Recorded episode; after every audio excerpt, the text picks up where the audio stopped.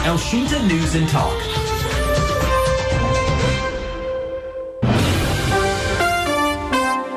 Elshinta News and Talk. Pendengar menjaga netralitas aparatur sipil negara menjelang berlangsungnya pemilu 2024 memiliki tantangan tersendiri. Hal ini mengingat ketidaknetralan ASN dalam pemilu akan berdampak pada pelanggaran sistem merit dan penyimpangan dalam tata kelola pemerintahan. Bagaimana menjaga netralitas ASN jelang pemilu 2024? Kita akan jumpa, jumpai Komisioner Komisi Aparatur Sipil Negara Ari Budiman.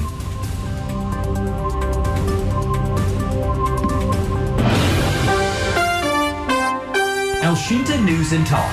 Kami juga undang Anda mendengar untuk bergabung bersama kami turut berbincang via telepon di 0215869000 atau pesan singkat 0811806543. Uh, Pak Ari, kalau melihat uh, sebenarnya berkaitan dengan ASN ini peluang atau kemudian uh, seberapa besar ASN ini bisa artinya ini ya tidak netral dalam pemilu Pak Ari?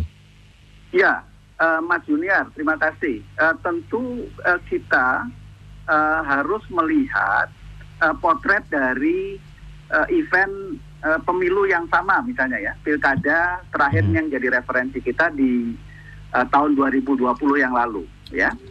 Uh, dari uh, hasil kerja kami misalnya uh, ternyata pelanggaran yang terjadi cukup tinggi.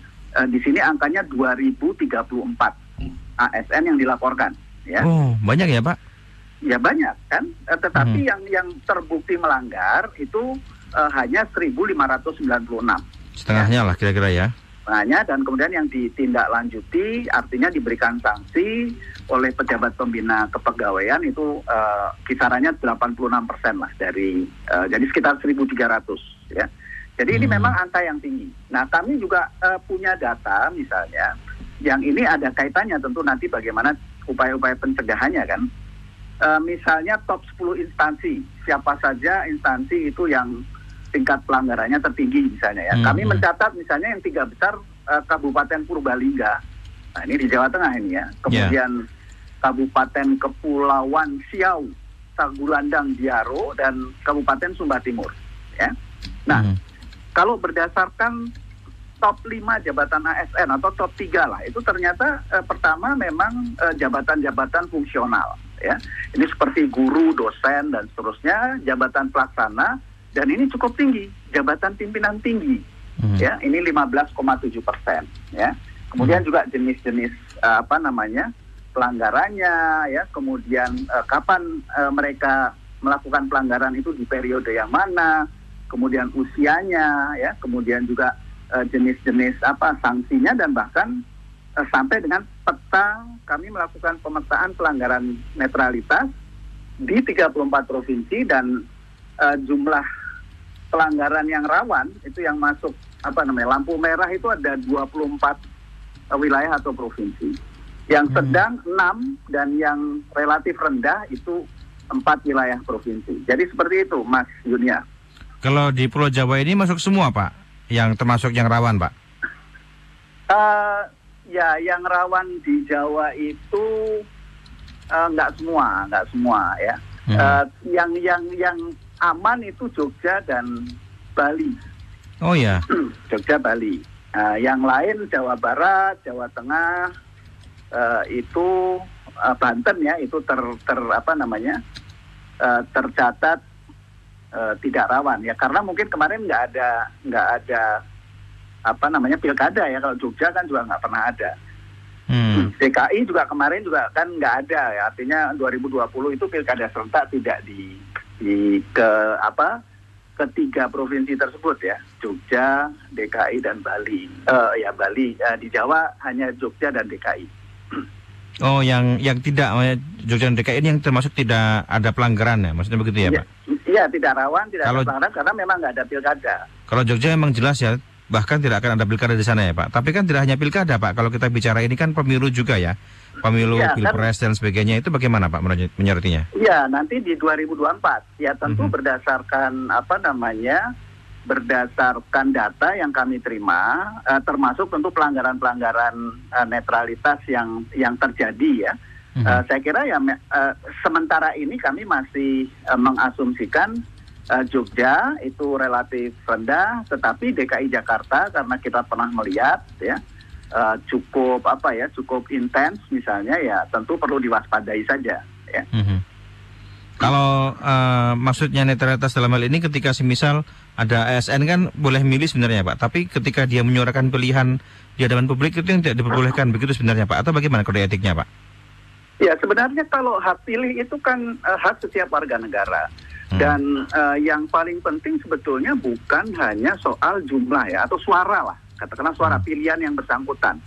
Tetapi ASN ini ya apalagi pada jabatan-jabatan tertentu memiliki sumber daya yang besar, ya kan? Hmm. Sumber daya itu ya tentu bisa eh, fasilitas eh, apa ya anggaran misalnya kan, kemudian Ya. juga fasilitas sarana prasarana yang yang eh, boleh jadi kemudian disalahgunakan untuk misalnya mendukung eh, pasangan calon tertentu ya. Eh. Lebih-lebih kalau tadi paslonnya itu misalnya ya bekas bosnya sendiri gitu kan, misalnya eh, kepala daerah incumbent misalnya seperti itu. Ini kan- Petahana-petahana ini bahaya ya? petahana, petahana. Ya, walaupun tidak semua, tidak semua. Hmm. Eh, begitulah kira-kira. Iya, kalau eh, saya agak kelewat ini. Sebenarnya faktor yang mempengaruhi mereka untuk tidak netral itu berarti apa, Pak? Ya sebetulnya kalau eh, secara umum ya eh, faktornya itu adalah eh, bagaimana terjadi politisasi birokrasi, ya, Mhm. dan atau terjadi ya yang birokrasi yang berpolitik. Birokrasi yang berpolitik itu kan eh, artinya motif-motif misalnya yang bersangkutan ingin jalan pintas menduduki jabatan-jabatan tertentu, ya.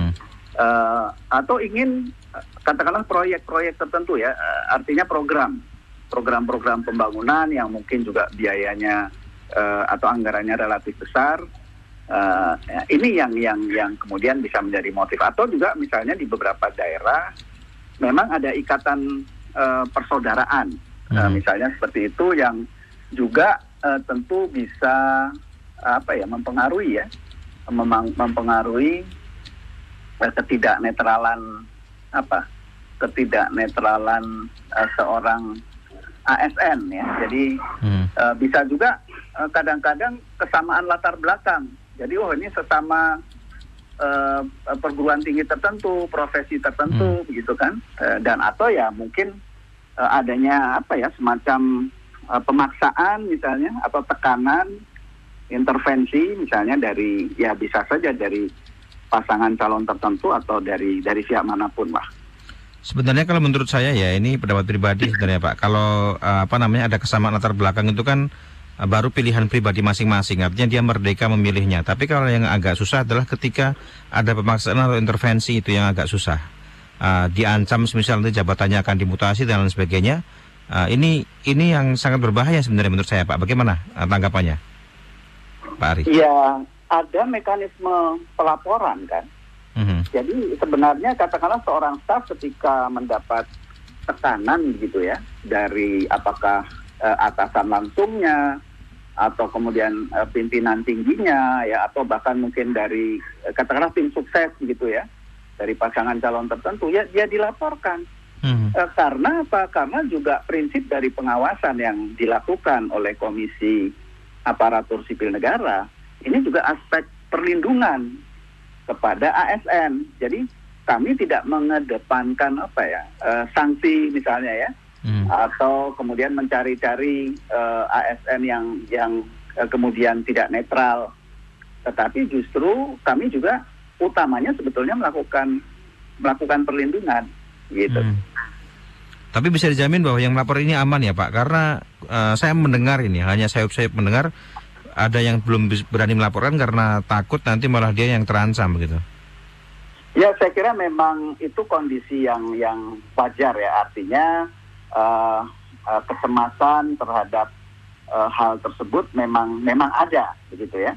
Mhm. Eh, tetapi sebetulnya juga banyak sekali pengalaman-pengalaman ketika seorang birokrat ya seorang ASN itu integritasnya tinggi, eh, bekerja eh, secara profesional, kompetensinya juga oke ya, eh, rekam jejaknya bagus. Ini tidak ada yang perlu dikhawatirkan. Karena siapa pun Ya. kepala daerah semestinya ya, semestinya yang normal ini eh, itu akan di, di, dipergunakan, akan dipakai, akan diberi kepercayaan yang lebih begitu kan. Mhm. Begitu juga sebaliknya tentu saja eh, kepala daerah juga harus harus apa namanya eh, memiliki integritas yang tinggi dan juga berlaku berlaku apa ya berlaku netral lah nggak ada benturan kepentingan dan seterusnya. Hmm.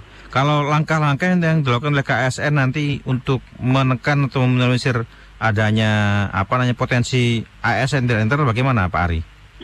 Ya, eh, eh, pertama eh, kami eh, tentu terus menerus eh, apa ya me- me- mengkomunikasikan eh, bagaimana membangun tadi integritas dan budaya kerja yang profesional dan dan ya dipesankan bahwa jangan pernah ada eh, konflik interest gitu ya benturan Hmm. kepentingan. Dan kemudian eh, kami berupaya melaksanakan pengawasan yang semak- semakin efektif ya Mhm. itu dengan pendekatan pencegahan pelanggaran dan ini eh, pertama tentu bagaimana kita mencoba nanti mereview dan memperbaiki ya menyempurnakan regulasi yang ada jadi aturan main yang ada begitu dan kemudian ya tadi eh, berdasarkan eh, hasil eh, data ya hasil apa survei kami maka misalnya ya jelas kami akan fokus pada wilayah-wilayah yang rawan Mhm. yang dipetakan plat merah itu ya. Kemudian eh, juga eh, kita mencoba misalnya memprioritaskan yang berdasarkan jabatan tadi, yang jabatan pimpinan tinggi dan jabatan fungsional misalnya ya. Mhm. Dan kemudian juga misalnya tren pelanggaran netralitas ini ke mana? Kemarin itu modus-modusnya seperti apa ya? Eh, itu yang kedua ya. Yang ketiga ya meningkatkan kolaborasi Mas Yuniar antar Mhm. lembaga pengawas. Jadi kita ingin membangun soliditas ya, bukan kemudian rivalitas. Memang kadang-kadang emang ada ya lembaga yang satu dengan yang lain ingin apa namanya eh Bersaing lebih baik ya. Ya, ya kalau bersaing lebih baik kan bagus ya. Tet- Tetapi memang yang jauh lebih baik itu misalnya kita memang bersinergi dan itu sudah dilakukan, Mas. Mhm. Jadi misalnya KSN itu kita eh, punya regulasi tentang bagaimana pe- pedoman eh, pengawasan netralitas yaitu bersama-sama dengan Kementerian Pan RB, dengan Kementerian Dalam Negeri, dengan BKN ya, Badan Kepegawaian Negara, dengan Bawaslu eh, dan juga KSN dan kemarin alhamdulillah kita juga baru saja eh, melakukan MOU itu dengan ORI, Ombudsman Republik Indonesia. Dan ini juga upaya-upaya tentu saja untuk eh, kami eh, secara internal lembaga-lembaga pengawas ini eh, apa ya eh, bergandengan tangan lah ya gotong royong untuk eh, bisa bisa apa namanya melaksanakan pengawasan yang lebih efektif dengan catatan kami butuhkan dukungan dari masyarakat luas ya organisasi sipil kemasyarakatan LSM dan media ini mas jadi tolong El Sinta juga eh, dua tahun ke depan ini harus Mhm. harus lebih apa namanya lebih intens mem- eh, ikut menjaga eh, ASN. Kita memang selalu ini ya, apa namanya, terus mengawal sebenarnya Pak Ari. Tapi Ya. kalau eh, melihat kita perlu mempertegas sebenarnya sanksi bagi ASN yang tidak netral ini ada tidak sebenarnya Pak? Oh ya pasti ada Thomas. Jadi eh, eh, sanksi itu kan macam-macam. Ada yang sanksi moral ya, kemudian eh, misalnya sanksi disiplin, ada disiplin ringan, disiplin apa eh, sedang dan disiplin berat. Ya sanksi itu ada.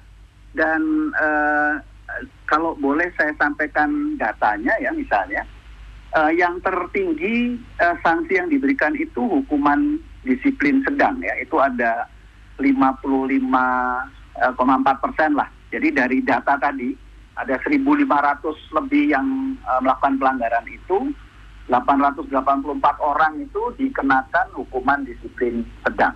Nah, hukuman disiplin sedang itu eh, apa misalnya ya? Disiplin sedang itu misalnya eh, berupa apa ya? Berupa misalnya pemotongan eh, tunjangan kinerja ya, atau kemudian juga eh, pemotongan apa sih namanya? eh, barangkali eh, ya tunjangan kinerja sih. Tet- Tetapi ini memang Hmm. eh, kalau nggak salah hukuman sedang ini menunggu eh, peraturan pemerintah tentang gaji ya.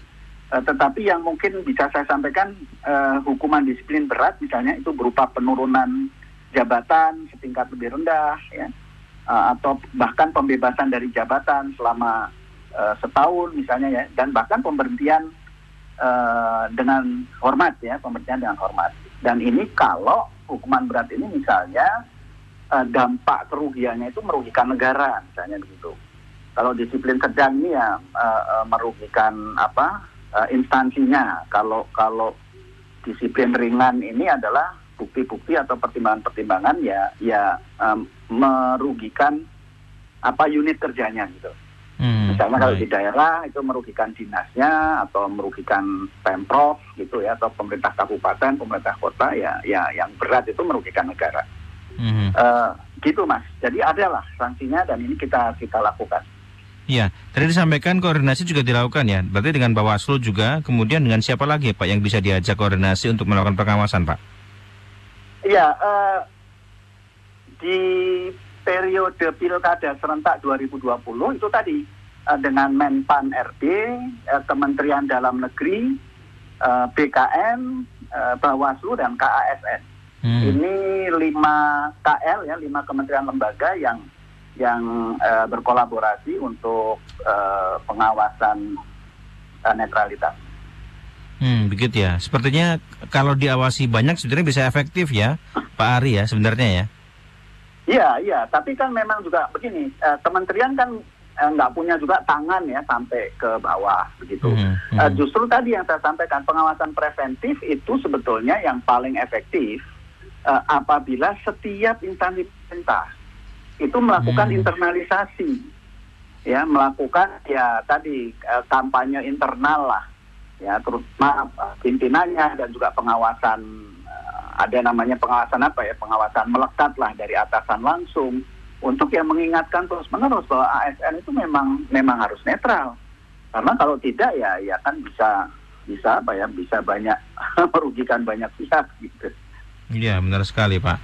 Terakhir barangkali Pak ada pesan yang mau disampaikan kepada masyarakat, terutama juga ASN yang mendengarkan siaran kita Pak. Apa yang harus ditekankan Pak Ari?